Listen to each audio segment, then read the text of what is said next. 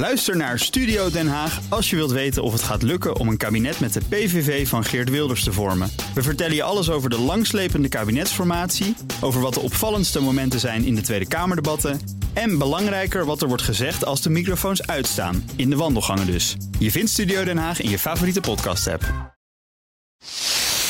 Hartelijk welkom bij de Technoloog. Nummer 344. Hallo Herbert. Hey, eh, ben, daar ben ik weer. Ja, je bent van vakantie terug. Welkom. Ja. Heel prima. En we gaan het gelijk hebben over het koopinfuus. Dat is wel. eh, Nee, dat is, dat is heel belangrijk. Want ja, je hebt vakantie, dan consumeer je toch weer een vakantie. En eh, ben jij, je bent naar Zweden ge- geweest. Dus hoe ben je ge- geprimed en genutst om ook naar Zweden te gaan? Is dat je eigen beslissing geweest? Of is dat de beslissing geweest van Big Tech? Dat ze jou zo gemanipuleerd hebben dat je daar naartoe bent gegaan? Het zijn allemaal vragen die we vandaag kunnen stellen aan Chantal Swinkels. Schinkels. Schinkels, toch? Ja. Nou, welkom. Welkom. klopt. Ja. Ja. Auteur van het Koopinfuus, want het is een boek. En dat is hoe lang al uit? Nog maar kort, hè? Een maand. Een maand. Ja, nog gewoon net een maandje. En nu uit. al hier. Nou, Ja, het is En nu ongelooflijk. al hier, Ja, ja. het leven het is, het is vol verrassing. ja, het is vol verrassing. Ja. En, en je vertelt eh, in dat boek zelf dat je een eh, verleden hebt als expert e-commerce. Ja. Eh, kun je even daar iets over vertellen? Die achtergrond. Wat, wat deed je? Waar deed je dat? Zeker. Wanneer? Ehm, nou, dat is best wel een. eh, ik zal hem eh, even kort eh, vertellen. Ja. Maar twaalf jaar geleden ben ik verhuisd naar het noorden. En op het moment dat je naar een ander gebied verhuist, dan is het heel erg belangrijk dat je een netwerk hebt. Dat had ik niet. En het was ook zelfs na de kredietcrisis. Dus een nieuwe baan vinden was gewoon heel erg lastig. Ik deed wel dingen online en dat was dan meer op, op websitebasis. Omdat dat toen nog, ja, dat was veel verder dan, dan, dan e-commerce, dan webshops maken.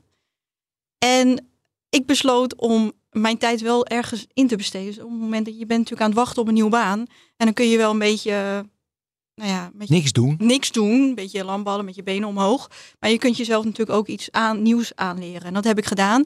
En dat was net een beetje op een nieuwe eh, webshop shop, eh, software. Wat echt gewoon heel erg makkelijk is om een, om een webshop te bouwen. Dus ik dacht dat ga ik Welke? doen. Welke? Welke toe? Eh, ik begon toen met mijn webwinkel. En toen ben ik naar Lightspeed gegaan. Eh, en nu eh, gebruiken we eh, Shopify. Shopify. Wie niet, hè? Shopify. Ja, wie niet? Ja. Ik. nou ja, oké, maar heel veel gebruiken natuurlijk Shopify. Dus daar, daar ben ik mee begonnen. Heb ik zelf alles aangeleerd van inkopen, verkopen, van het maken, van eh, kijken hoe het design eruit ziet. eh, eh, SEO optimalisatie, dus SEO de hoog in Google. Het mooie was toen dat Google Ads nog echt gewoon nou, top was. Want je kon voor een cent kon je advertenties plaatsen en direct had je bezoekers op je webshop. Dat is dat inmiddels in, wat, wat moeilijker geworden. Ehm, social media was een beetje in opkomst om te gebruiken. In ieder geval wel voor, voor het verkopen. En zo ben ik er een beetje ingerold. En op een gegeven moment komt er natuurlijk een, een moment dat je, nou dan, dan eh, kan je niet meer in je eentje. En dan is het van, oké, wat ga je nu doen? Ga je nu personeel aannemen? Nou, eh, Welke dat, eh, webshop had je? Wat, dus eh, je? ja, in, in sieraden. Dus eh, sieraden. sieraden. als- ja. En eh, want het was klein. Je kon het, de opslag was gewoon in een IKEA-kast in, de, in, je, in een tweede slaapkamer. En vanaf daar heb ik alles eh, Leuk. geregeld. En dat kocht je in in China? Nee, nee, dat was nog helemaal niet, eh, dat, helemaal niet zo makkelijk. Nee, je was in Utrecht had je, eh, heb je zo een Beatrix-gebouw en daar kon je, kon je dus dan sieraden inkopen. Had op een gegeven moment iedereen. Eh, en dan ga je op, een beetje op zoek naar eh, sieraden die dan een beetje in Europa, dus dat je naar een bepaald merk gaat zoeken, dat je dat mag eh, eh, verkopen als soort leverancier. Dus daar ben je dan een beetje mee bezig, maar gewoon echt basis sieraden. Want ik wilde leren. Het ho- ho- hoefde niet voor mij dat het, eh, ehm, nou ja, dat, dat, dat eh, zeker in, in, in het begin kan je er echt niet van leven. En dat was ook mijn doel niet. Ik wilde gewoon weten hoe het in elkaar zat. Ja, ja, ja. Het klinkt een beetje als een, een eh, vroege vorm van dropshipping. Eh, Inkopen nee. en ja, maar, online verkopen. Ja, dropshipping is natuurlijk, dan heb je de voorraad niet in huis. Dus Nee, dan verzend je niet, niet zelf. Ja. En ik ben ook niet zo hele voorstander van dropshipping. Nee, dat begrijp ik. eh, Nee, ik las het Maar in je misschien boek. hebben we het- ja, dat- misschien dat hebben we het nog wel even op. over. Ja. Ja, ja, ja. Eh, maar eh, ja, dus zo heb ik hem er zelf helemaal eh, aangeleerd. En dan komt het op het moment dat je dan, nou, dan heb, toen heb ik besloten geen personeel aan te nemen, maar weer het bedrijfsleven in te gaan. Ah zo, ja. Ja, het, het, het, eh, Maar waarom lukt je dan niet om die sieradenwinkel uit te breiden? Om daar groot in te worden? Om daar de macht, en niet dat het moet de machtigste, maar World domination, dan ja. Soort mijn jewelry was ook een beetje in die, eh, in die tijd is dat opgebouwd. Wie? Het was net mijn- jewelry ja, oké, ja. van. eh, Ja. Nou ja, ik, ik, ik geloof het. Ik die kom heeft niet winkels, die heeft, eh, zit in Ja. het buitenland. En je moet een beetje bold zijn, je moet een beetje durven. Ja. En misschien was ik gewoon te angstig. Maar de, de, de vraag eh, waar ik mee begon was, hoe, eh, wat, wat, wat deed je nou als e-commerce expert? Want de, daar praat je naartoe volgens mij. nog Ja, steeds. klopt. Ja, ik, heb, ik ben altijd zo langdradig. Dus, eh, Nee, maakt niet uit, maar Ben ontbreek je ook steeds. Ja, sorry. Eh, dus toen besloten we weer het bedrijfsleven in te gaan, want het was namelijk anders. Mensen zochten eh, weer eh, eh, nou, een van mijn expertise, omdat dat was nog niet zo eh, vindbaar. Mhm. Dus ben ik begonnen bij een online biologische supermarkt. Dus ik heb op een gegeven moment een webshop heb ik afgerond. Eh, verder naar een online biologische supermarkt. Heel veel van geleerd, kennis gemaakt met Magento als software. Eh, en die kennis weer gebruikt naar een consultantbaan, waar ik eh, eh, webshop heb begeleid in het developmentproces. Dus ik stond echt tussen de developer en de klant in. Ik moest natuurlijk ook alles begrijpen wat er werd gezegd. En Magento tot het uiterste gebruiken. En ik heb dat gedaan voor webshops met omzet met tientallen miljoenen euro's omzet. Eh, voornamelijk B2B, want dat vind ik zelf ook eigenlijk het leukste. Dus als er klanten werden vergeven, zei ik van geef mij altijd maar de, de B2B klanten. Ehm, en zo ben ik Waarom erin het gerold. leukste? Ik ook een keer mag onderbreken. Ja, en omdat er heel veel processen bij komt kijken. Komt heel veel backend bij kijken. En, eh, en het allermooiste is van B2B, buiten dat het budget altijd wat hoger ligt, is dat je de mensen zo moet meenemen in het Hmm. proces. Dus eh, er zijn natuurlijk heel veel binnendienstmedewerkers die denken van, die zijn dan heel erg bang dat er een webshop komt, dat hun baan verdwijnt. En die moet je meekrijgen in het proces. Dat ze dus zien wat ehm, een toevoeging het heeft om, eh, eh, om een webshop te hebben. Ook als B2B bedrijf. Leuk allemaal.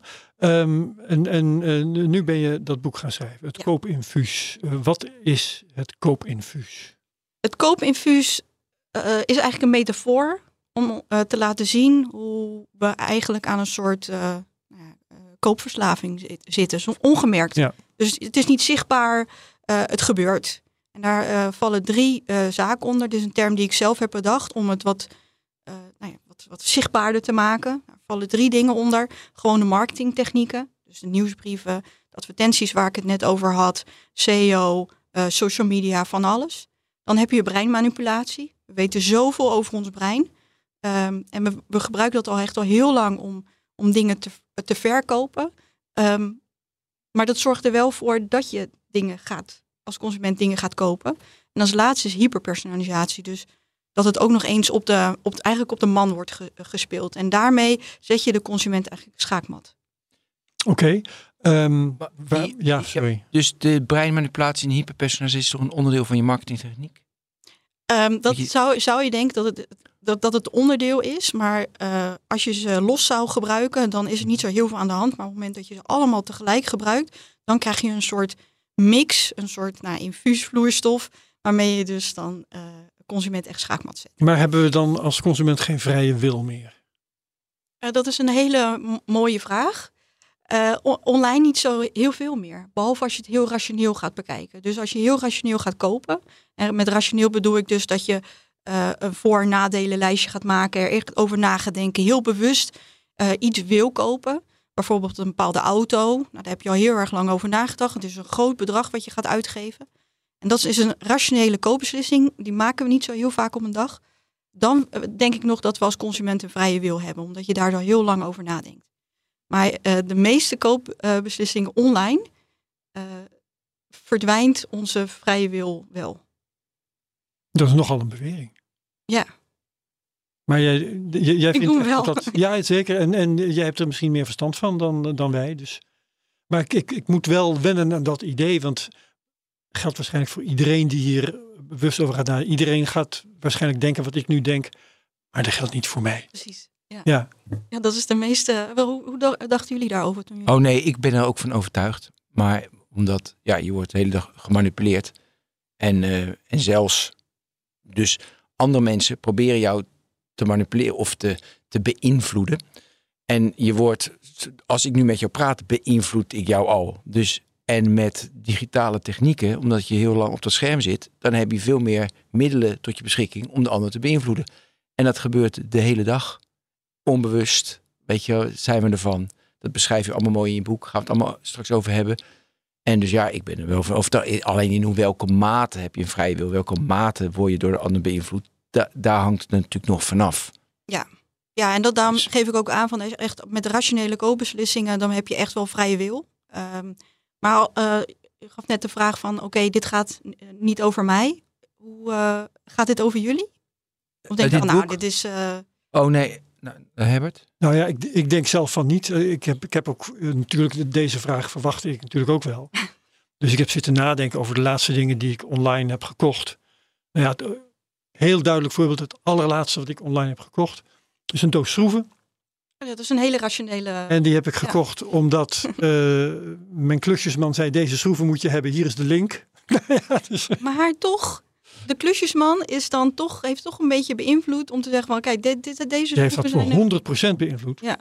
Maar eh, daar zijn niet geen beïnvloed, dat bedoel je? marketingtechnieken eh zaten daarachter. Het laatste dat ik heb gekocht, daar wil ik ook een klacht over indienen. Dat is bij de Intratuin afgelopen zondag. Ik had me- mest nodig voor mijn gras, want het gaat regenen. Ik dacht, kan ik mijn mest stu- eh, kan ik er mest op doen. Maar die, die, die webwinkel van de Intratuin, daar moet je ook echt iets aan doen hoor.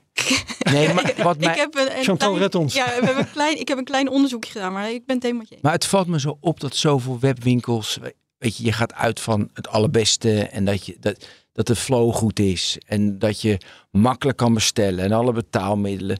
Maar het, ik, ik snap niet dat het dan nog zo brak is. Ja. En, en ik, ik heb een heel mooi voorbeeld. Ik had een keer een geurtje bij Skins besteld en dat was echt slecht. Dus ik had een mail gestuurd naar Skins.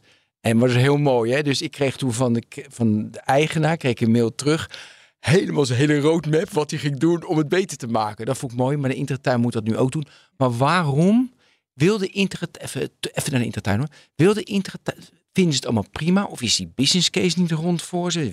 Ze willen dat ik toch naar Amersfoort rij. Wat is dat toch? Het is natuurlijk wel een beetje een aanname wat ik nu ga doen. Nou, daarom, maar daarom zit je ook hier. Maar eh, het is echt wel ingewikkeld. Het is eh, om, om een, een shop te maken, drempelloos is frictieloos. Het is wel ingewikkeld. Je moet er specialistische kennis voor hebben en een hoop geld. Ja, dat, maar Herbert, hier moeten we even op ingaan. Want ik, Ja. jij zegt het, is inge- maar je neemt toch gewoon een, niet gewoon, ik snap het. Weet je, je neemt een Shopify. En Je kan het heel simpel doen. En voor Intertuin is het lastiger. Want dat is, ik snap dat. En weet je moet je je hele, de database van je klanten, waar zet je dat? En eh, weet je en er komt veel bij kijken. Ja. En het is een bestaande shop. Dus het is een bestaande winkel en een legacy wat erachter zit. Dan krijg je tranen van de joh. wat was voor legacy dan? Leg eens uit. Eh, verouderde software. Ah ja. Eh, software, eh, dan, je kent de verhalen toch wel dat er dan ergens eh, in, een, in de krochten van, eh, van het gebouw zit er nog iemand eh, Ja, die- te, te, te programmeren. Nou, en dat moet je dan meer gaan digitaal. koppelen met een nieuwe software. Nou, Ja. een drama, een drama. Ja. Ja, en je zegt het is duur. ja, het is heel duur. Kun je daar dat concreter maken? Ik ben een Intratuin. En dan? Nou, eh, je kiest dan vaak als je een intratuin, nou, in ieder geval zo bedrijf bent en je hebt heel veel legacy, dan kies je voor een bedrijf, eh, voor een softwareplatform waar je heel erg makkelijk mee kan koppelen, of in ieder geval waar, eh, waar je daar de mogelijkheden toe hebt. En nou, dat is dan bijvoorbeeld een Magento is daar heel erg, die staat daar heel erg voor open. Dus nu Adobe, hè, toch? Ja. Ja. Ja, het is onderdeel van. ja precies. Neem rustig een slok water. Ja. En ehm, eh, dat, dat is heel specialistische kennis om dat te koppelen. Ja, Oké, maar goed, dat kan je inhuren. Nou ja, wat ik eigenlijk nooit begrijp, de, de, weet je, als de Intratuin een, een, een billboardcampagne in Amersfoort moet doen en eh, het kost een half miljoen, denken ze, of landelijk, kost een half miljoen, denken ze, nou prima. Maar willen ze een fatsoenlijke webshop ma- eh, ma- maken, dan gaan ze zitten zeuren over 200.000 euro. Dat slaat echt helemaal nergens op. Goed, voldoende gebest over mijn, mijn middelmatige ervaring afgelopen weekend. Ja, maar dat, het is, het, je hebt een specialistische kennis nodig van programma. je hebt goede programmeurs nodig. Je hebt, en inderdaad, eh, een, een billboard doen ze dan even twee ton. Maar voor een webshop, ja, de, ja we, krijgen we dat wel terug. Ja, precies. Zien we dat wel terug. Ja. En ja, dat gaat dan wat trager. En dan is de directie dan toch een beetje... En wat ook is, is dat dan hebben ze een, een, business case klaar. Hebben ze een offerte. Nou, dan heb je allemaal voor, voor een scheidend inzicht. Waardoor het allemaal nog duurder wordt. En dat, dat houdt je development ook een beetje tegen. Maar goed, die, uiteindelijk moet je natuurlijk zorgen dat je zoveel verkoopt. Mensen zo naar je platform brengt dat ze zoveel kopen, dat dat, dat niet uitmaakt. Ja, en dan vraag je af van waar ligt de focus dan op de webshop of de winkels? En dat is dan de terechte vraag wat je stelt. Willen ze dat ik naar, Ja. gewoon naar de winkel rij? Precies. Oké. Ja. eh, ja, als ik, ik jou begint je boek, mag ik dat even? Begin je met een conversatie en er is heel veel discussie over. Dus dat eh, mee is geluisterd met, je zei Oh ja. Si- Sia. See you. Ja. See you. Ja, See you. ja Dat dat vond- is, dit is eigenlijk het begin van het boek. Eh, maar zo, het is niet alleen het begin van het boek, Nee. maar ook het begin van het schrijven van het boek. Ja, ja, ja, hoe jij op het idee kwam, ongeveer. Ja, maar waarom ik dat interessant vind, want we hebben echt we hebben heel veel testen uitgevoerd van een. Maar het, het verhaal moet er wel even verteld worden. Hè? Eh, je, het was geloof ik in, in de auto dat jij hardop zei, see you, toen jij Ja, ik vond het een hilarisch woordgrapje. Vonden jullie niet? zag, ja, vertel. Even maar, je, het maar je moet even vertellen aan de mensen. Nou, ik, ehm, ik zit in de auto, niet achter het stuur. Dat is altijd belangrijk om te vertellen, want anders denk je... oh. Ehm, ik sta achter een vrachtwagen en die is aan het lossen voor een, visme- eh, voor een viswinkel. eh, een bepaald vis, vismerk. En op de achterkant staat See you, geschreven in de, de Engelstalige woord de zee, eh, van zee. Nou, ik vond het zo'n grappig woordgrapje, dus ik heb het echt vijf, zes keer door die auto heen geroepen. Maar Bart zei, ja, eh, kan wel wat minder. Eh, maar ik vond het echt eh, hilarisch. Dus wij eh, gaan de vrachtwagen voorbij. En nou, je herkent wel, je bent heel erg verslaafd natuurlijk aan social media. Dus dan open je social media, Instagram in dit geval. En ik zie een advertentie voorbij komen van hetzelfde vismerk met de slogan See You. En ik moest het wel een beetje laten landen. En ik, want ik was meteen aan het nadenken, maar hoe kan het nou? Wat, wat is er in het algoritme heeft er getriggerd om mij die advertentie te tonen? Ja. En dat is eigenlijk het begin van het hele boek eh, geworden. Van ik wilde weten wat daarachter zat. Nou, en toen ik dat las, toen dat las, had ik direct, want er is echt veel onderzoek gedaan, luisteren ze continu mee. En er zijn verschillende versies van. Eh, de versie is van ze kunnen niet meeluisteren, want het is als je continu meeluistert, is het te veel data, waardoor je nooit alle gesprekken kon. Meta kan dat nooit verwerken. Dan moeten er nog meer datacenters in Zeewolde worden gebouwd die niet doorgaan. Dus dat kan nooit. Dus dat was een van de dingen dat het niet kan. Ehm, de, en anderen zeggen van nee, dan heb je, maar dat kan in dit geval niet. Dus daarom vind ik het interessant. Heb je getriggerd dat ze even wel meeluisterden? Hoe dan? Weet je, heb je je telefoon getriggerd? Dus dat je hem triggerde, bijvoorbeeld Siri ging aan. Of je, ik weet niet of je een Android hebt, je Google Assistant ging aan. Waardoor een Meta waarschijnlijk een, een setting heeft waarbij ze het wel konden horen. Dat kan. Eh, of, en we horen ook heel veel mensen zeggen, ja, SIA, dat is echt niet. Maar als je bijvoorbeeld heel vaak ergens over hebt, dan heb je al de weken daarvoor, ben je al een beetje aan het zoeken. Het profiel van jou is zo opgebeld, eh, opgebouwd dat je met vis bezig bent. Je woont in die, in die hoek van Nederland, daar heb je alleen maar SIU vishandel, waardoor ze denken, wel, nou, je bent met vis bezig. Dat, Ja. dat is de Ja, ik derde was niet mogelijkheid. helemaal, eh, ik was niet helemaal Weet met ik, vis weet mee. Maar dat zijn de drie mogelijkheden. Ja, er zijn nog Nee, meer. er is er nog één. Oh, ja. Er zijn nog meer. er zijn nog meer. Nou, ik, heb dus, ik ben natuurlijk mee bezig geweest. Inderdaad, wat je aangeeft. eh, Onderste eh, steen moest on- boven. onder, ja, onder, ja, ik, zo zit ik dan wel in elkaar. Ehm, er zijn inderdaad verschillende eh, eh, nou, eh, ja, mogelijkheden. mogelijkheden. Ja, ja. mogelijkheden. Eh, wat je aangeeft inderdaad. eh, ik heb nergens kunnen vinden dat ze ons afluisteren. Of ze, dat is dan in Meta of Google, eh, dat ze ons afluisteren. Maar eh, er zijn wel voorbeelden dat er eh, bij het opvragen van je data, dat er voice memo's in zaten. En, en natuurlijk, het is geen AIVD dat het een mannetje of een vrouwtje heel tijd aan het luisteren zijn wat jij nu aan het vertellen bent. Eh, maar met, ehm, eh, het is niet onmogelijk dat er met tekst of geluidsherkenning, stemherkenning, dat daar wel nou ja, bepaalde woorden uit worden gehaald. Dus dat is niet helemaal eh, eh, ehm, dat je zegt van dat, dat, dat doen ze niet. Wat? Dat is nergens te vinden dat ze het niet doen. En stuur jij veel voice, stuur jij veel voice memo's? Nee, niks. Ja, niks. Ik heb nog een andere. Want waarom zou het te maken moeten hebben met eh, dat geluid? Waarom zou het niet te maken kunnen hebben met de locatie van die Nou, vrachtwagen? dat is inderdaad ook een dingetje. Locatie van de, maar ook locatie van de winkel. Bijvoorbeeld een Rituals, die heeft dat ook. Eh, op het moment dat jij langsloopt bij Rituals, of de bin, dan, dan weten ze dat.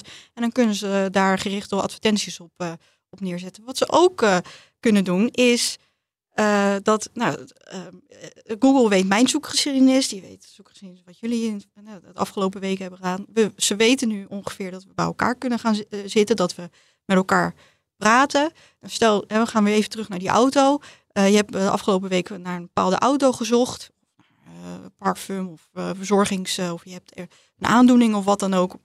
En ehm, dan, dan kan het zomaar zijn dat je op basis van, van die informatie advertenties ziet bij de ander. Dus ik heb het over de auto. Dan krijgen jullie advertenties over een auto te zien, zodat jullie mij kunnen adviseren om die auto te kopen. Zo van, hey, heb je dit gezien? Eh, zo had ik een gesprek met iemand en die had een eh, bepaalde aandoening in het gezicht dat je van die rode vlekken krijgt. En ehm, nou, heel, je kunt het toeval noemen, maar een paar dagen later kreeg ik advertenties voor eh, verzorgingsproducten die daarvoor eh, handig zijn. En zelfs een nieuwsbrief wat het daarover ging. Dan denk ik, ja, dat zijn natuurlijk wel dingen. En ik denk van, oh, eh, natuurlijk, we kunnen, het, we kunnen het niet uitsluiten dat ze ons afluisteren, maar we kunnen ook niet uitsluiten dat ze dat wel doen. En Ja. daardoor blijft het een beetje erboven hangen, want er zijn zoveel mogelijkheden om dit soort informatie ook te gebruiken om advertenties te, te, te, tonen. Dus inderdaad, de locatie is zeker een mogelijkheid. Ja, ja, ja. Maar ehm, ja, hier kun je nog verder op allerlei manieren over, eh, over discussiëren. Bijvoorbeeld, hè, als, als je dat doet met die advertenties die eh, lijken in te haken op dingen in je persoonlijke leven, als je, daar, eh, als je dat eh, creepy vindt, gebruik een adblocker. Ja, maar Ik dat- doe dat. Ik, eh, Ja. dit, dit soort dingen, die, dit soort verhalen die ik hoor, ik, ik er- ervaar ze nooit. Ik zie geen advertenties. nee, dat is heel, ja, maar wel heel prettig. Instagram timeline, toch? Ja, die heb Ik je eh, gebruik amper. Nee, ja, Ja. wij, wij in onze Instagram timeline. Ja, daar zie je ze dan wel. En eh, een adblocker, nee, het is echt een hele, wel een hele goede tip voor mensen. Ja. Eh, maar het geeft zo gedoe. Hoezo? Een adblocker. Een geeft gedoe? adblocker, ja, dan, welke dan? En, welke, Oh. dat- en de meeste mensen zijn niet zo tech-savvy die, Hmm, die, die ja, dat kunnen ja. bedenken om een adblocker Ja, en installeren dan weer een malafide adblocker, waarmee je Wat ook nog alleen maar erger maakt. Dat, Ja. Ik weet het, ja, ja, ja. Maar toch, hè. ehm, goed, laten we zeggen, mensen doen dat niet omdat ze te veel moeite vinden of om, om veiligheidsredenen, wat dan ook. Ehm, ik vind het toch ja, op, het, sorry dat ik het zeg, op het betuttelende af om mensen af te schilderen als hulpeloze slachtoffers van het boze Silicon Valley. Doe ik dat? Eh, ja? Echt? Oh. Ja, Ja, je, je zei het net zelf, je, je, je bent weerloos. ehm, Ik ja. weet niet meer precies hoe je het zei, maar daar kwam het wel op neer. ja je hebt on- eh, online heb je eh, minder vrije wil op het moment dat... Tenminste, je Dat, hebt wel ja. vrije wil als je rationeel denkt, maar niet als je eh, onbewuste koopprocessen volgt. Ja. Eh, betuttelend. Kijk, er is een hele grote groep in Nederland die, eh, zoals ik al zei, niet tech-savvy is. Die, er is natuurlijk een gigantische digitale kloof. En ehm, eh, het is een, er is een groep die we toch wel een klein beetje moeten beschermen. En dat kan misschien Hm. betuttelend klinken. Maar er is, echt een hele grote impact zit er achter dit alles. Zoals nou ja, eh, een bepaalde koopverslaving. Maar ook financiële problemen worden steeds erger. Ja. Ehm, eh, door bijvoorbeeld achterafbetaling of maar te blijven kopen met geld wat je eigenlijk niet hebt.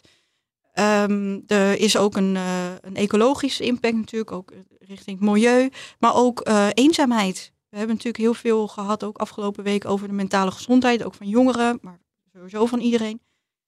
En ehm, shoppen, als we dan echt kijken naar het kopen, was eh, voorheen altijd een, sociaal activiteit. Dus Ja. je ging met je, voornamelijk eh, vrouwen, eh, want dat is ons aangeleerd dat het een sociale activiteit is. Ga, je vroeger, ging je dan met je vriendinnen naar het winkelcentrum of naar de stad. En dan ga je de hele dag een beetje rondsjouwen. Je gaat lunchen met En het is echt een uitje. En nu is het online tijdens de les. Al zag ik vandaag dat de mobieltjes een beetje Ja. uit, de, uit de klas worden geband. ja. Eh, maar in- tijdens een meeting, eh, tijdens een meeting, tijdens een online meeting. ehm, er zijn altijd manieren om te kopen. En het enige sociale wat er dan nog eventueel aan kan zitten, is dat je deelt met fotootje met je vriendinnen. Maar het hele sociale gebeuren, dat verdwijnt ook. Dat is waar. Kunnen we Ja. die een beetje afpellen? Eh, Uh-huh. Eerst eh, nou, misschien de duurzaamheid. Dat is een van de dingen die je zegt. Dus mensen kopen alles om, eh, bij, bij Shein. Goedkope troep. Ik, ik heb wel vroeger naar die video's gekeken die ik super grappig vond. Van die uitpakparties. Dan is er een, een meisje van 18 die staat aan de Action geweest. En ik koop ze voor 10 euro allerlei troep. Dan gaat ze het uitpakken. En, nou, en dan, dan gooi je die troep weer weg. Tijd. Ja, het slaat echt het, het, het toppunt van, eh, van consumentisme. Weet je, het, het slaat nergens op. Maar toch gebeurt het. Ja. Is dat nu, groeit dat? Is dat kleiner? Kun je wat getallen geven? Mensen die arm daarvan worden en daardoor in de bijstand komen en daardoor eh, misgaan? Of heb je daar geen cijfers van? Of zie je het toenemen? Nou, ik heb daar wel een. eh, toen ik hiermee begon, was ik al heel snel richting het achteraf betalen. Want ik wilde dat Dat Klarna ja, dat- ja, ik wilde dat beter begrijpen. Dus ja, als het gaat over betalen, over financiën, dan denk je aan eerst aan, meteen aan een instituut en dat is Nibud, toch? Ja. Mhm. Die heb ik dus gebeld en gevraagd van oké, kunnen jullie me aangeven wat de impact is van online bestellen op de samenleving? Ook gewoon qua, qua financiën, qua besteding, qua budgetten. En dat konden ze niet. En ze hadden daar nog Hm. helemaal geen onderzoek naar gedaan. Dit was nu, dat was, eh, ik heb ongeveer anderhalf jaar geschreven. Dus nou ja, anderhalf jaar geleden kon, wisten, hadden ze hier geen informatie over. Inmiddels hebben ze wel wat informatie, maar dat gaat dan vooral over de mensen die in de schuldhulpverlening zitten. Omdat ze dat kunnen becijferen. En daarin zien ze dat jongeren eh, steeds meer in de financiële problemen komen door het achteraf betalen. Hm. Eh, dus ja, dat is natuurlijk wel, eh, ik vind het echt een serieus probleem. En politiek zijn ze er ook klein, een, klein beetje van doordrongen, want er zijn kamervragen over gesteld, maar het gaat zo traag. Ja. Het gaat zo traag. Nou, ja, En het, is, en het meest bizarre van dit alles is dat het om een wet gaat wat, wat is bedacht voordat überhaupt internet bestond. Zo oud is de wet al. Ja, maar hoe kan je voorkomen dat mensen veel kopen? Ja, want ik kan ook zonder, eh, eh, zonder digitale middelen nu naar de Action gaan en onverantwoorde aankopen doen. Tien, tien kabouters. Ja. Dat slaat echt nergens op. Wat, eh, wat het verschil maakt is dat eh, eh, online is, zoals ik al zei, drempelloos, maar het is ook altijd beschikbaar. Dus mensen kopen het het vaakst als ze zich onzeker voelen, vervelend, dat je ze ziek zijn. Ook dronken trouwens. Er komen heel veel orders binnen als op zaterdag of vrijdagavond, zaterdagavond, als mensen half eh, lam onder een toog hangen. eh Ja. blijf, Ja, het- overmoedig worden. Precies. Ja. En het meest bizarre in, in dit geval is op het moment dat je onzeker bent, je voelt je niet prettig. eh, een advertentieplatform zoals Meta weet dat. Die doen een sentimentenanalyse. Mm. En door jouw gedrag op social media, door bepaalde posts, dat je daar naartoe gaat of bepaalde zoekopdrachten doet, comments plaatst, weten zij hoe jij je voelt. Ze kunnen tenminste, ze kunnen het voorspellen. Dus die gaan echt speculeren op troost shoppen. Ja, en dat, dan ben jij het meeste waard. Ja. Voor de adverteerder ben jij het meeste waard op het moment dat jij je onzeker voelt. En dat is een beetje een soort spiraal waar je dan in komt te zitten. Want ja, dat is dan ook de content die je gaat maken om mensen onzeker te maken. Ik ben bijvoorbeeld heel erg, eh, en ik weet niet of ik dit moet vertellen. Ja, dat moet je niet zeggen. Nee. Nee, Nee. dat weet ik Ja. niet. Nee, Nee, ik ja, laat- doe maar dan. Figuur, Bedoel je? mijn figuur. Dan ben je, hè, je ziet allemaal eh, dunne mensen. Mensen gaan nu massaal naar YouTube en we hebben altijd honderd kijkers en deze video duizend. hebben we er tienduizenden. Oh, man. Ja, want dan willen ze natuurlijk wel echt Jullie weten van, je is dat waar? Ja, Daar heeft ze het over, ja. ja. Nou. Nee, jouw je, je, ja, dus je dan... body mass, laten we het zo Body- doen. Ja, eh, en nou, dan ben ik heel erg geneigd om. Ik, ik ben te persoonlijk nu. eh, dat je. Eh, je ziet mensen dan Slanke bepaalde modellen. slankmakende spijkerbroeken. Oh, Wist je dat dat bestond? Nee, maar goed. Ja, een slankmakende spijkerbroek. Dus dan wordt dat heel je figuur wordt helemaal erin geperst. Je kan amper ademhalen, maar je hebt wel een heel slank figuur en helemaal, ziet er helemaal top uit. Dus dat zijn de commercials die, die Ja, jij die bij krijgt. mij, ja, die bij Ja. mij, eh, maar bij meer vrouwen. want Ik bedoel, hè, dat, is, eh, Alleen het feit dat ze vrouw zijn. eh, dat zou best wel kunnen. Ja. Ja, eh, eh. Dus dan wil je zo'n spijkerbroek. Nu kan ik aan jullie zeggen toch, maar dat, eh, Nee. dan zie ik dat nog Nee, wij kunnen ons niks bij nee, voorstellen. niks bij we, voorstellen. hebben, we hebben nu net het figuur waar jij het over hebt. Het Nee, dat ook niet. Dat ook slanke modellen zijn Hoe wij. komen we eh, hier nu op? Oh ja, dat was niet. dat kopen, dat je het helemaal niet eh, Nou ja, wil. En maar dan, ja, dus dan zie je dat wel weer constant voorbij komen van ja, dus zo wil ik er ook uitzien, zo wil ik, dit wil ik ook. En dan, nou, dan koop je spijkerbroek nummer 10, eh, die we beloofd om slankmakend te zijn. En die krijg je dan binnen en dan kijk je in de spiegel en denk je, van, ik weet niet wat... maar Zit nog steeds hetzelfde werkt lijf in. Ja, precies. het gaat om het lijf. Oké. Ehm, nou, de hele, want ik wilde het een beetje afpellen, die, eh, die eenzaamheid zei, dat vond ik ook interessant. Dat mensen eenzaam zijn en dan gaan, ga- nou ja, begrijp ik niks van, maar... En dan gaan kopen bedoel je? Ja. Ja. Uit eenzaamheid kopen. Maar goed, dat is een psychologisch mechanisme. Dat je weer even die dopamine krijgt. Dat je, hey, Ik heb een het aankoop. Ja. En- Mooi. En dat zie je ook in, in coronatijd. Zie je ook veel mensen die, hebben, die zijn online gaan shoppen. Niet omdat de winkels dicht waren, maar op, Ja. omdat ze op zoek waren naar een geluksmomentje. Nou, die duurzaamheidsgedachte is logisch. Want je, je koopt allemaal troep. Waar Daar die- heb ik nog wel een echte verhaal over. Oh, Kom maar op. nou. Want dan heb je natuurlijk over de retourenberg. Want de, de Nou, ja, dingen dat die terug... ik. Ja, dat is niet normaal. Dat is niet normaal. Niet normaal. 40% bij, Ja, bij Weekamp? bij Weekamp gaat, komt 70% van de damesjurkjes terug. Maar ik heb toch laatst, zag ik, eh, ik moet wel zeggen, volgens mij was het op LinkedIn ook er voorbij zag komen. was een bedrijf die vertelde, die, die verkoopt eh, herenpyjama's. En die vertelde dus dat ze een van hun pyjama's terugkreeg in een gebruikte pizzadoos. Nou. Nou, dan kun je dat afschrijven. Je kan, Ja. want het rook helemaal naar pizza en je, je kunt ze niet meer verkopen. Nee, maar dat schreef je ook mooi in je boek. Dat de hele e-commerce best wel moeilijkheden heeft. Want die retouren kunnen niet meer. Weet je, het was altijd snel. Die bedrijven accepteren ook gewoon te veel. Je zo, Precies, ze accepteren. Ja, toch? we hebben het zo in de markt omslag gezet. nu. Ja. Het is echt zo. E-commerce is in de markt gezet met de laagste prijzen. Want ja, iedereen zat nog op een zolderkamertje zonder overhead. Nou, je wil niet weten wat voor overhead daar nu rondloopt. Eh, met kleine eh, marges, de verzendkosten gaan omhoog, de verpakkingsmaterialen. Er moet aan heel veel dingen worden voldaan, specialistische kennis. Ehm, er is eh, klantenservice, gratis verzending hebben we bedacht om, nou ja, hè, om, om mensen ook weer de naartoe te trekken. Gratis retouren, nou achteraf betalen. Bol, die, Bol die geeft bijvoorbeeld aan van, nou dat hebben wij gedaan om mensen ook een beetje vertrouwen te geven in het online bestellen. Dus ja, het, het gratis retouren. We hebben het in, in de markt gezet als mogelijk potentieel verslavingsmodel. Waar we eh, als, als bedrijven ook op lange termijn, dat, dat we hebben ons, of de bedrijven hebben zich een beetje in een wurggreep geworsteld. En, eh, en het is ook heel moeilijk om daaruit te komen, dat iedereen die doet het. Ja. Dus En dat e-commerce nu eh, eh, dus krimpt. Amazon mensen eruit. En ook andere, weet je, ook Bol volgens mij. Ook mensen eruit, Ja. bol.com. Ja. Dat is nu dus een teken dat het weer, het moet genormaliseerd worden. Het, is- het, het was te gek. De marges zijn al laag. Dat moet iets beter, daarom. Ja, alleen dat was de reden niet. De reden was dat eh, ehm, we hebben, of de, de cijfers vanuit corona, dat is als beginpunt gebruikt voor de verdere groei. Dus eh, heel veel bedrijven dachten van die cijfers van, van in coronatijd, dat mensen maar bleven online. de bleven nieuwe kopen. benchmark. Dat is een nieuwe benchmark. En Ja, ja. op dat punt moeten we verder gaan groeien. En dan, daar, daar maak ik me nu ook een beetje zorgen om.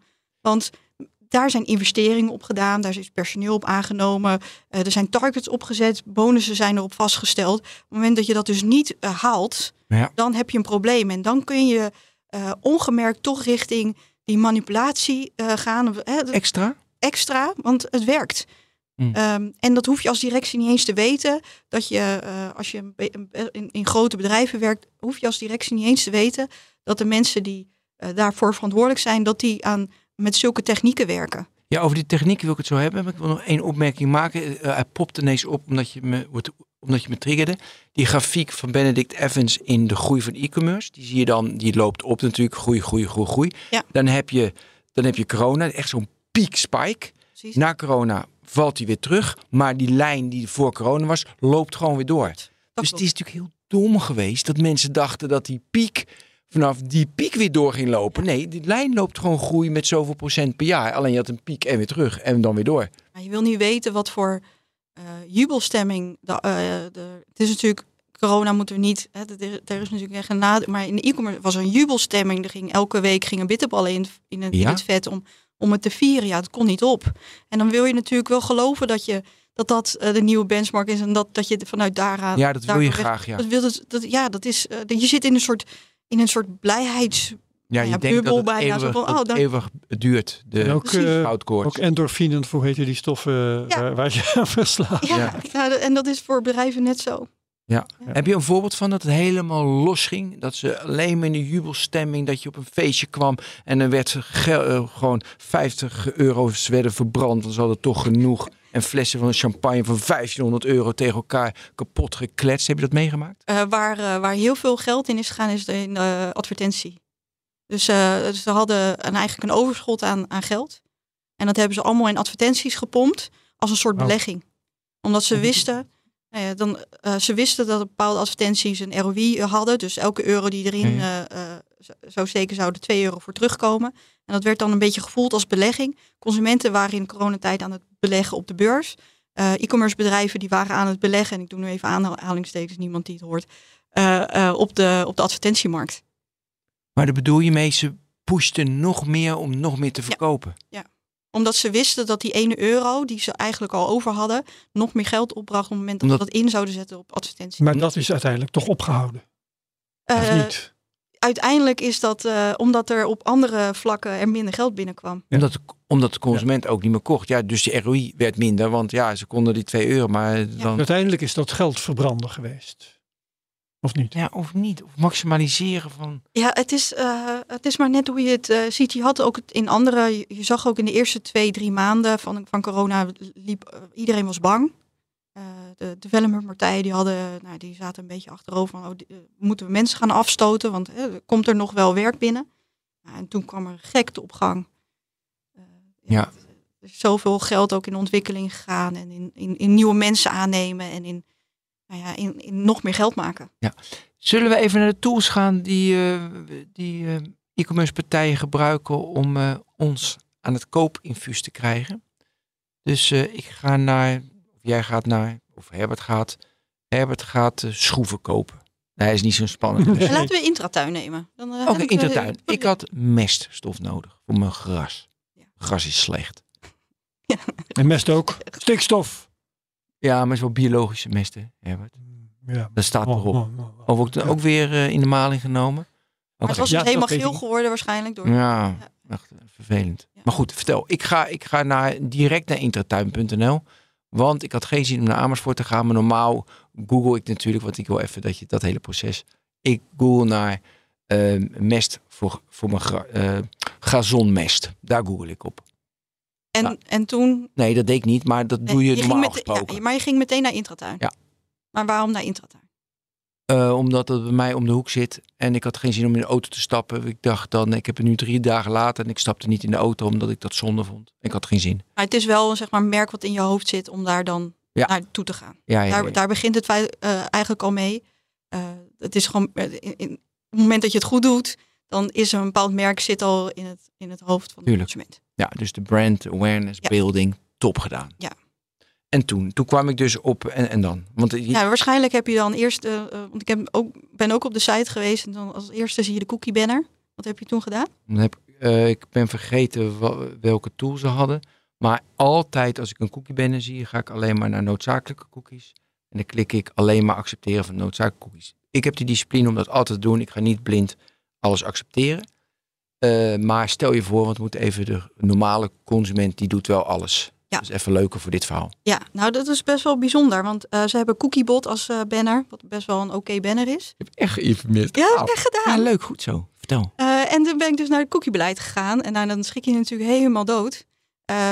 Voor jullie info, eh, het aantal marketingcookies wat dan wordt geplaatst is meer dan 100. Iets van 109 Bij de, bij de intratuin? bij Intratuin. En eh, statistische cookies, dus echt gewoon op statistieke basis, eh, ook meer dan 100, 109. En als je kijkt naar de noodzakelijke zit je rond de, rond de 70. Dan natuurlijk ook nog best wel. En als ik dan keek naar wel wat de noodzakelijk was, dacht ik van, is dat echt noodzakelijk? Ja. Ja, zo wat? eh, ja, eh, de dingen om, om, om de Zendesk, de, de, de chat-functie, Oh ja. om, die, in te laden. Ja. dat is natuurlijk noodzakelijk. Oké, eh, dus ik heb. dat- We gaan even door dat ik het wel geaccepteerd heb. Ja. Want, eh, Want dat is, dat is even leuker. Ja. Dan gaan ze, eh, mij, gaan ze die gegevens van mij, waar ik naar de site aan me toe ga, wat, over wat ik zoek, komt in hun eh, customer database Ja. platform. Ja, en grote kans dat als je dan weer even weg was gegaan eh, vanuit Intratuin en, en, en naar een, eh, een, een nu.nl of een AD was gegaan, die heel veel eh, eh, retargeting advertenties plaatst, dat je dan de mest of dingen die daarbij horen terug had gezien in een advertentievorm. Ja. En dat is een van de retargeting is een van de meest vervelend, vervelende vormen van advertenties, omdat het zo duidelijk is dat je persoonlijke data wordt gebruikt. Ja. En dat wordt ook door steeds meer consumenten als vervelend ervaren. Dus eh, mijn hoop is dat op het moment dat het voor zo heel veel consumenten eh, vervelend wordt ervaren, dat ze het allemaal massaal niet meer gebruiken en dat op een gegeven moment de ROI zo laag is dat, er, eh, dat ze ermee stoppen. Ja, en er lopen ook politici tegen te hoop zo langzamerhand. Hè? Ja. Die dan pleiten tegen gepersonaliseerde advertenties. Eh, Kees Verhoeven, Paul Tang, Ja. dat soort mensen.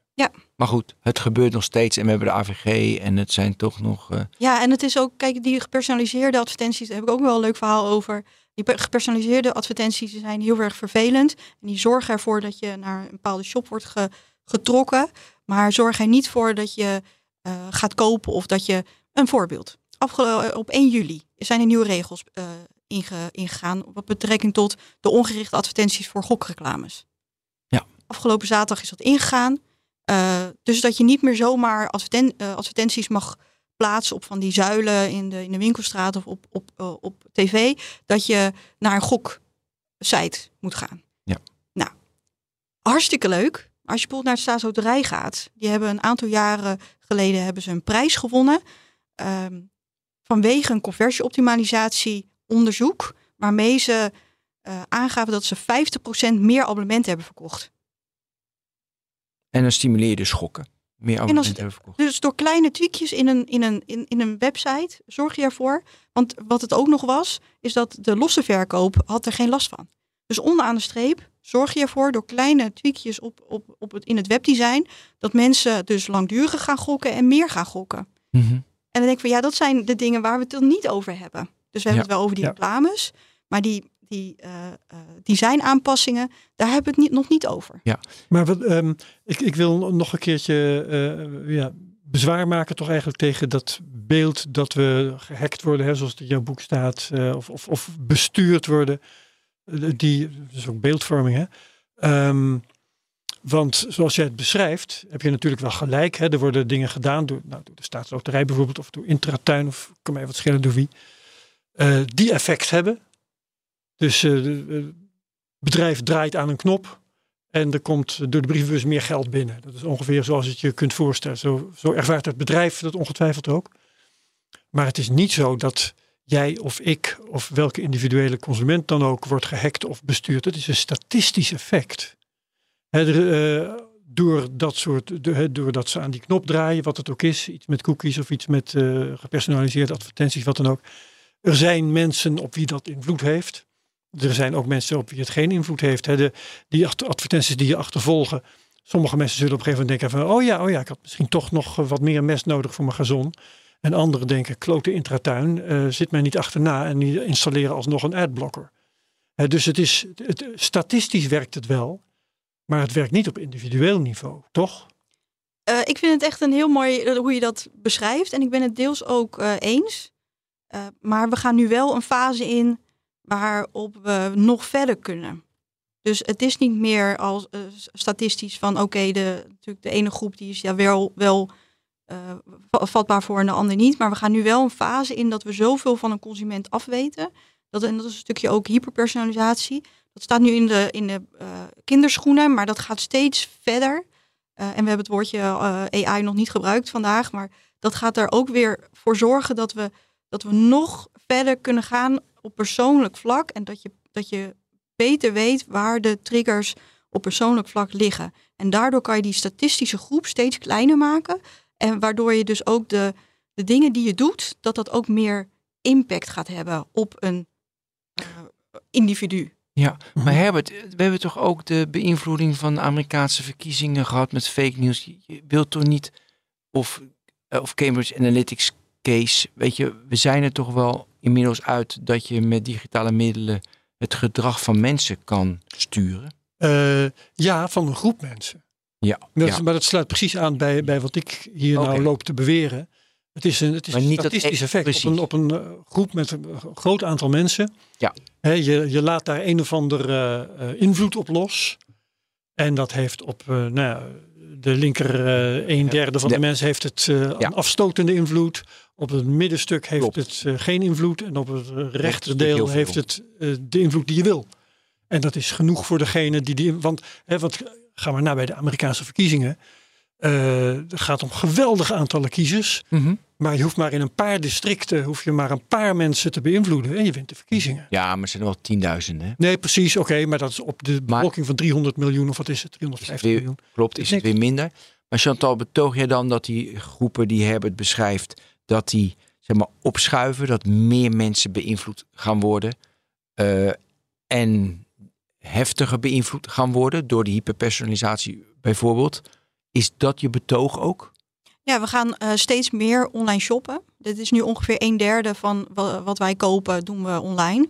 Nou, dat wordt, de verwachting is dat, dat dat steeds meer wordt. Het is natuurlijk niet morgen zover, maar het is wel over, over vijf jaar zit je rond de 40 procent. Nou, dat kan je dan ook weer ook door. wel eh, maar goed, ja. Ehm, eh, er wordt meer, dus meer online gekocht. We weten meer van consumenten. En inderdaad, eh, ehm, we hebben heel, heel lange tijd. Eh, ze zeggen dat er, twee, eh, dat er heel lange tijd in 72 groepen is gewerkt. Dus eh, je kan op basis van je interesses, van je beroep, val je in, in, in één of meerdere van die 72 groepen. En wie doet dat? Is dat Google? Ja, Of- in, op het moment dat je data gaat verzamelen, Oké, daar hebben ze in 72 in 72 dan eh, ook groepen. 80 Want van maken en ook ja. 60, maar goed. Nee, het zijn echt 72. Ja, nee, maar goed, dat is natuurlijk subjectief gekozen. Er is Ja. iemand die Ja, dat verzonnen heeft. die heeft dat, ja. Een willekeurige. Oké, Ja. Ja, daar heb je gelijk in.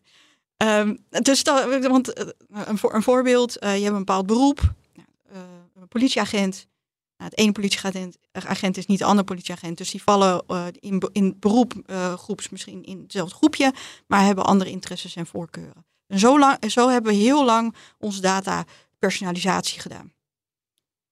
Dus Ja. heel echt op, op interesse, op Ja, ja, ja. Vrij, vrij breed. Uh, maar nu gaan we richting hyperpersonalisatie. En dan komt er bijvoorbeeld die eh, customer data platformen bij. Je gaat overal informatie vandaan screpen. Ik heb het ook echt gezien gebeuren, een profiel uh, op, maak, op maat. Dus dat je echt gewoon uh, van mij een profiel hebt van waar alles in staat. Ook een beetje wat mijn gedrag is. En hoe ik een beetje mijn persoonlijkheid is. Zo ver gaat het.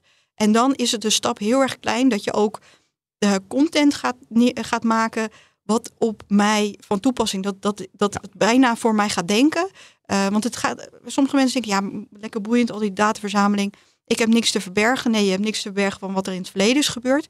Maar door je gedrag uit het verleden kunnen ze heel goed voorspellen wat jouw toekomstige gedrag gaat zijn. Ja.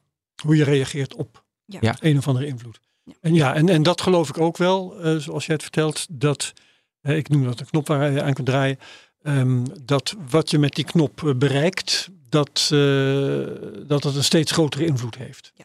Omdat ze steeds uh, slimmere mechanismen daar aan weten te koppelen. Ik vind mooi dat ik, uh, ik las dat Netflix honderden profielen heeft. Hon, echt van de meest obscure films die in het uh, horror en dan een bepaald genre horror. Echt honderden, dat vond ik interessant.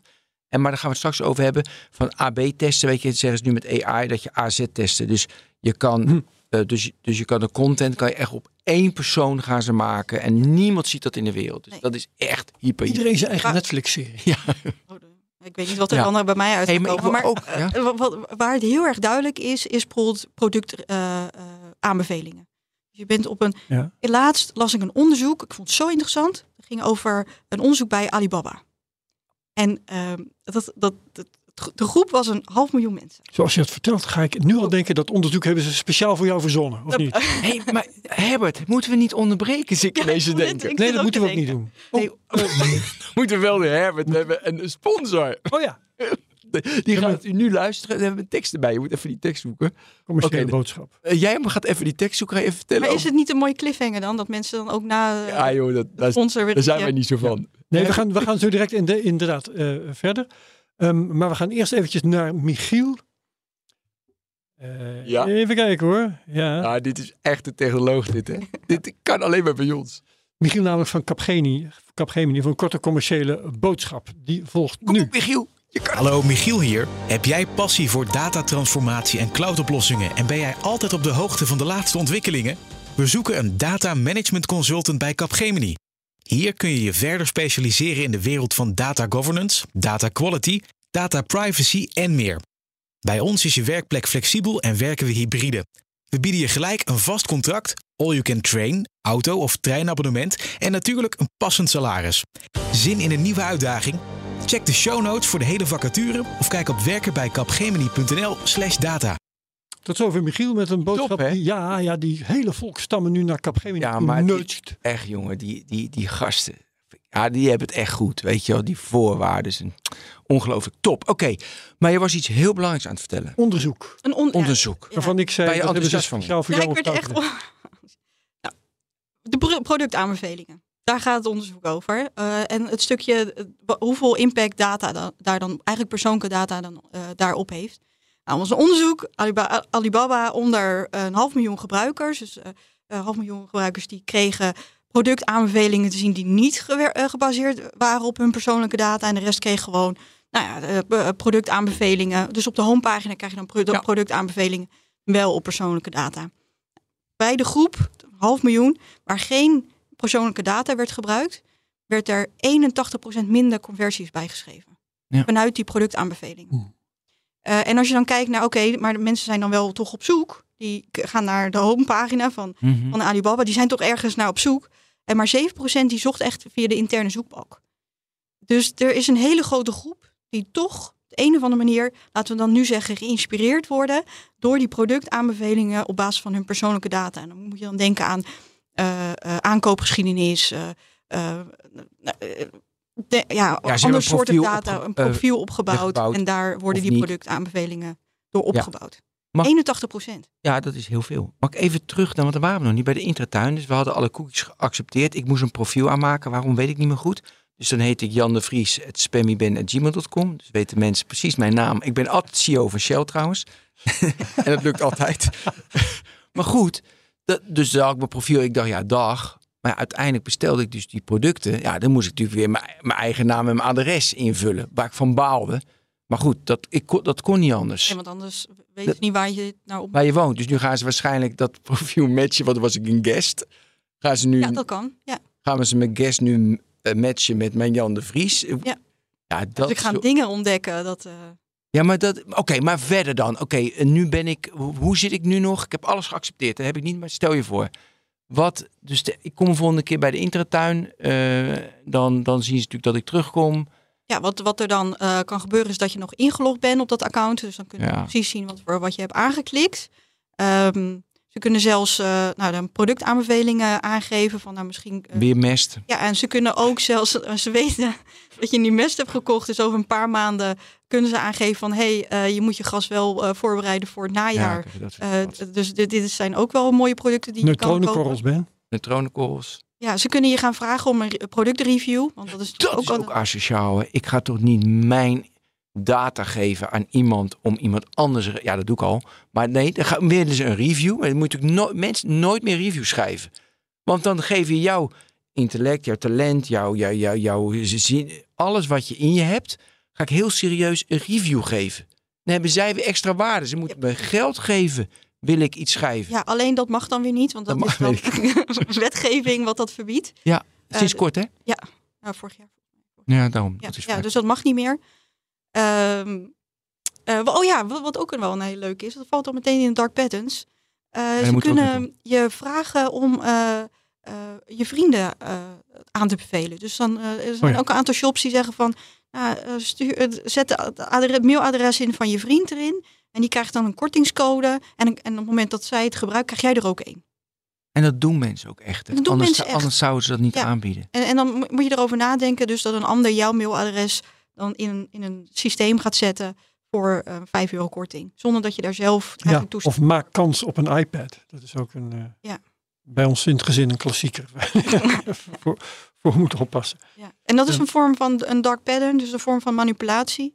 Eh, wat ook eh, ja, niet mag, maar toch zie je het echt heel vaak gebeuren. Omdat me- eh, heel veel bedrijven weten niet dat dit onder een dark pattern valt. Dat je dan heel snel denkt aan een afteltimertje. Of, Ja, of ze gaan er gewoon vanuit, van we blijven het toepassen tot we een keer worden teruggefloten. ja, Je kon ja kijken dat, hoe lang je ermee weg is misschien een grotere kans dat dat het.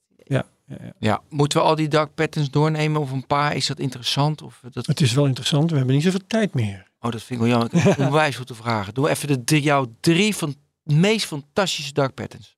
meest fantastische. Nou, je hebt natuurlijk het aftel, eh, Ja, helpt ja, ja. altijd. Want je krijgt dan een soort angst van, oh, ik ga het niet. eh, Nog maar je- twee maar echt gewoon lichamelijke reacties krijg je daarop.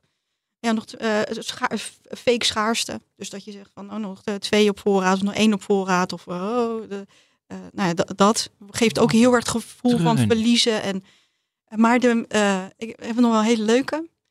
Eh, Er staat ook in het boek, ik weet niet of jullie hem voorbij hebben zien komen, maar dat heet bait and switch. En dat betekent dus dat je aanbiedingen te zien krijgt. In, in mijn geval. Ja, die vond ik interessant. Vertel over je reis naar Griekenland. Ja, nou ja, Herbert moest horen dit. ja, precies. Ehm, ik kreeg dus, eh, ik, ik wilde, de, eh, ik was een beetje aan het eh, surfen. En ineens zie ik hem bij zo'n stedenspecialist, zie ik een hele mooie aanbieding naar Mykonos. Je weet toch wel, eh, mijn Mykonos. Ken je Mykonos? Natuurlijk. Nee. Is echt gewoon mooi. Dat is witte huisjes, blauwe lucht en echt zo luxe, nou ik wil niet zeggen resort, maar een, je wilt daar gewoon heen. En voor echt een schijntje. Natuurlijk heb je al meteen, had ik een beetje het idee van, oh, dit is eigenlijk een aanbieding te goed om waar te zijn. Maar goed, ik zie hem hier. Dus waarom? Hè, het is een reisorganisatie. Dus soms heb je mooie aanbiedingen. Precies, ook, ook. Ja, maar oprecht. Ja. Ik dacht van, nou, ik, eh, ik ga het boeken. Het maakt niet uit wanneer ik kan, als ik er maar heen ga.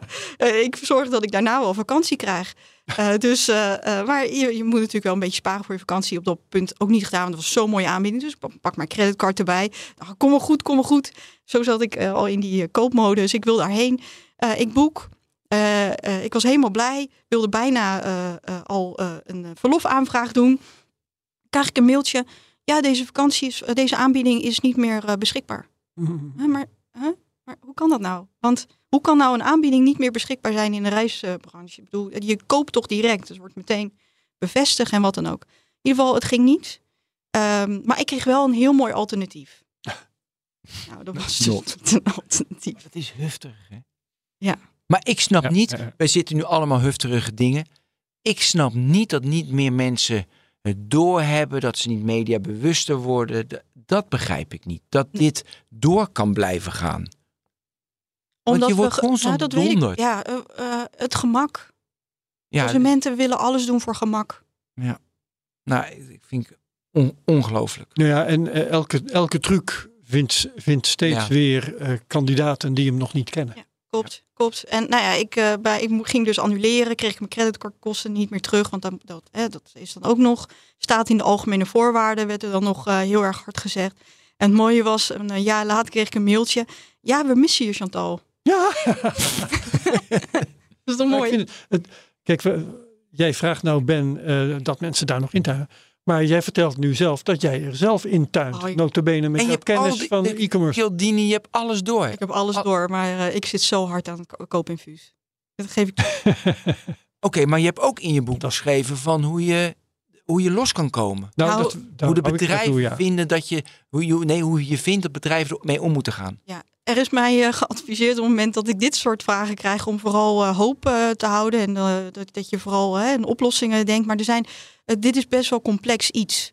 En de belangen zijn groot, lobby zijn groot. Bijvoorbeeld, je kunt het een beetje vergelijken met statiegeld op blikjes of eh, de, de, het alcohollobby. Zo kun je dit ook Nou ja, vergelijken. de- elke, elke grote industrie die bedreigd wordt, eh, big agro, eh, big oil, Al- al- ik noem maar wat op. Precies. Dus het is, het is eh, en eh, ik wil niet, je kunt er niet van loskomen, want dat, dan word je paranoïde.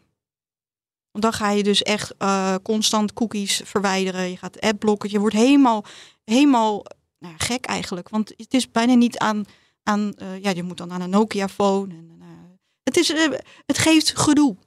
Ja. Gedoe. Ja. Dus, en, maar je wil gemak. En het leven kan makkelijk zijn. Ja. Ja.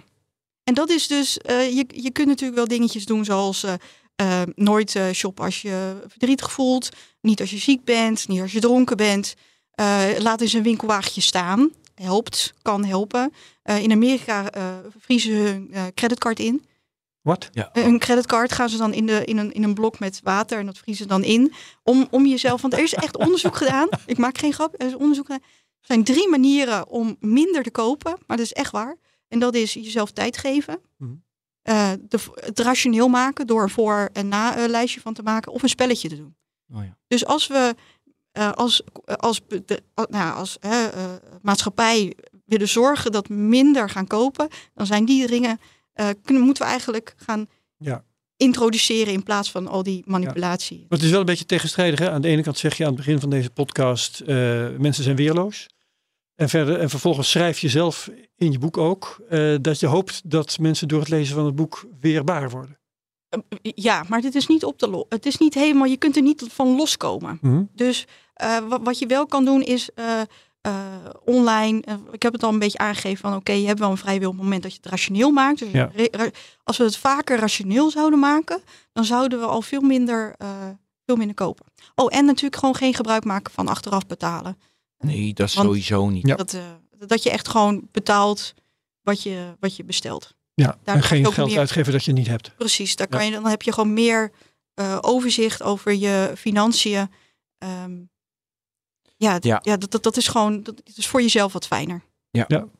Mag ik nog wel even vragen afvuren nu? Want ik heb een hele lijst nog. Ja. Ja, kun je de online choice architecture, kan je daar iets over Ja, vertellen?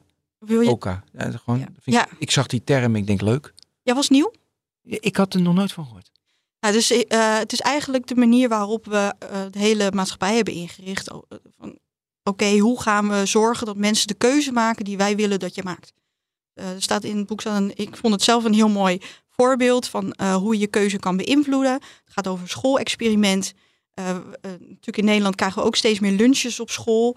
Eh, en dan is de vraag van, oké, waar zet je de gezonde producten neer en waar de minder gezonde producten? Of eh, ga je de volgorde neerzetten op basis van marges. Dus waar je als school eh, het meest aan verdient. Of heb je een sponsordeal met een bedrijf die chocola sponsort, dus dat je daar geld voor krijgt. En dat je dat dan aan, aan het begin van, de, van het buffetje neerzet. Ja. En dat zijn allemaal manieren om keuzes te beïnvloeden van, eh, van in, in dit geval kinderen. Maar dat gaat nog een stukje verder. Want ga je dat dan verplicht stellen, diezelfde, hetzelfde, diezelfde volgorde, voor elke school? Want het kan natuurlijk zijn dat als jij een school bent in een wat armere buurt en het heel erg moeilijk en op fin- financieel gebied, dat je dan sneller geneigd bent om te kiezen voor die spon- sponsordeal. Om die mensen, om, om, om die producten voor te zetten. En dat betekent dus dat je de kinderen ook weer verleidt om als eerste die chocola te pakken. En ze zouden dus eerder inderdaad het gezonde moeten nemen, juist in een arme buurt. Dus jij zegt met die OK, de Online Choice Architecture, zeg je van je moet duidelijk stellen wat wil je bereiken. En, dat, en de keuzes die je maakt, zorg je dat, dat, eh, dat je dat, dus het, doet. Ja, en het heeft, het heeft gewoon impact online. Eh, het gaat er eh, om, om hoe de structuur eruit ziet. Dus hoe je webshop eruit ziet. Het gaat Ja. om welke informatie laat je wel zien. Eh, laat je bepaalde informatie weg. eh, en welke druk ga je mensen opleggen. En als, als eh, online choice architecture, dus echt Ja. een- iemand die daarover gaat, heb je gewoon veel macht. Ja. En dat kun je in het goede inzetten of in het slechte. Mag ik gewoon een snelle vraag stellen? De facial, facial coding, hoe vaak wordt dat nu toegepast? Ehm, ik heb niet exacte cijfers kunnen, eh, maar wat, Ongeveer. Wat ik wel eh, eh, kan vertellen is dat als je het vergelijkt met een, een survey, dus je hebt een, gewoon een, een, een, enquête, dan kan dat ongeveer 10% voorspellen. Goed voorspellen, Ja? het gedrag voorspellen. Ja. Als je een EEG doet, dus meer hersen eh, Ja, dan. dan, dan is dat 60%. Dus Ja. het is nog wel foutgevoelig. Maar het is wel een, een, een hele toffe techniek om, om er meer over te weten over het gedrag. Oké. Nou ja, ja, ik heb nog honderden vragen. Weet je, de, de één dan nog, de databroker-industrie, 20 miljard. Maar ze, het mag toch niet dat de intratuin eh, mooi in hun... eh, Ja, dat mag dus. ze mogen dus dat verpatsen. Omdat Dat ik alles al. geaccepteerd. Ja, dat doen ze al. Ja, hè? Ik wil nu niet Intratuin echt zo Nee, beschuldigen, maar nee, nee, nee, eh, nee, nee, nee. We geven ze de kans om alles beter te zeggen. Onwijs blij zijn ze hiermee. Want ze kunnen het nu alleen maar beter maken. Ja, want anders kunnen ze het niet beter maken. Dan hebben ze niks. grote kans trouwens dat dat onbewust gebeurt. Dus dat ze er gewoon niet van afweten dat ze informatie verkopen aan derde partijen. Dat vond ik ook interessant in jouw boek. Dat vaak management helemaal niet doorheeft wat de Nee. developer uiteindelijk voor wat voor beslissingen hij neemt. Of de, eh, de marketeer. Waardoor je dus in een dark pattern of een. Maar goed. Het ontbreekt ja, aan heel veel kennis hoor, over, over Ja. dit onderwerp, over dataverzameling. Over, we stellen eigenlijk er te weinig vragen over. Ik, eh, ik heb er nog één. Oké. Misschien ook handig ter afsluiting. Eh, jij breekt een land voor ethische e-commerce. Leg uit, wat is dat? Dus eigenlijk ethische e-commerce is dat je ehm, ehm, in plaats van dat je je focust op nog meer conversie. Want eh, conversieoptimalisatie is voor heel veel bedrijven eh, een, eh, een metric. eh, om, Ja. om bonussen uit te delen, om promotie te geven. Als je daar iets minder op zou focussen, maar juist ook op andere eh, zaken dan, en, en over nagedenken van oké, hoe wil ik mijn bedrijf op lange termijn eh, wel laten groeien, maar op een duurzame manier. Dus op, eh, eh, dat je op lange termijn gewoon relevant blijft. In de meest algemene vorm. Da- als je daar dan al over nadenkt, dan ga je richting ethische e-commerce. Waar ik niet voor pleit is goede e-commerce, om het zo maar te zeggen. Dat het alles, dat, dat, ga, dat is onmogelijk. En dat, dat kan ook niet. Hoezo goede e-commerce? Dat goede, dat, nou ja, dat we in een soort utop, eh, utopie, een e-commerce utopie, dus weet je, dat, dat Mhm. je, als we het helemaal opnieuw mogen bedenken, Ja. en met alle informatie die we nu hebben, dan zouden we het vast en zeker anders gaan indelen en anders gaan neerzetten. Eh, ehm, en, en, en zouden we andere be- eh, beslissingen maken. Tenminste, dat, dat idee heb ik. Ehm, maar eh, eventjes weer vragen gaan stellen. Even kijken van oké, waar zijn we, nu, zijn we nu mee bezig? Op welk pad zijn we? Ja. Eh, hebben we wel, eh, kunnen we wel voortbestaan op deze manier? Ehm, maar jij zegt dus eigenlijk, als ik het zo hoor, dat ehm, datgene waar iedereen in bedrijven op dit moment op afgerekend wordt, en dat is inderdaad groei en omzet hè, en winstmaximalisatie, dat soort zaken, dat is, dat is niet het eigenlijke eh eigen belang van een bedrijf. V- vooropgesteld, je- winst maken is niet vies. Nee. Eh, dat, eh, dat sowieso niet. We moeten natuurlijk, er, er moet Ja, je moet geld verdienen. er, er Ja. moet geld verdiend worden ook om te verbeteren, om technologische ontwikkeling, om te investeren. Ja. Dus dat is, dat, daar heb ik het ook echt helemaal niet over. Maar we, hebben, we zijn nu eigenlijk een beetje doorgeslagen in de voorkant, in het verkopen. Zonder dat we ons eigenlijk eh, genoeg vragen stellen over wat er nou eigenlijk aan de achterkant gebeurt. Dus denk aan die retouren, denk aan die hoge kosten, denk aan waar we onszelf in hebben gewurmd. Eh, denk ik niet dat dat. ehm, we zijn een lange eh, tijd een, een, een start-up sector geweest. Dus alles eh, eh, glijbanen, van, van glijbanen in, in, in kantoorgebouwen en alles. Maar we worden nu volwassen met echt serieus, eh, serieuze omzetten. En op een gegeven moment wordt het tijd om daar ook eh, verantwoordelijkheid, volwassen verantwoordelijkheid bij te pakken en je vragen bij te stellen. Duidelijk. Duidelijk, ja, dankjewel. Daar laten we het bij. Ja, ja, ik kan nog uren doorgaan. Maar goed, ik heb nog een hele lijst, maar daar komen we niet aan toe. Dus hey, onwijs fijn dat je er was. Chantal Schinkels, Ja. Bedankt. Ehm, de, het koopinfuus heet het boek. Waar is het uitgegeven? Business contact. Business Contact. Ja. Oké, we zetten het in de show notes. Bedankt. Dank jullie wel. Eh, luisteraars bedankt. Ben bedankt. Herbert ook bedankt. Ja, Fijn. graag gedaan. Ja, leuk dat je er weer was. Na de vakantie. En iedereen heel graag tot de volgende week bij de volgende Technoloog. Dag allemaal.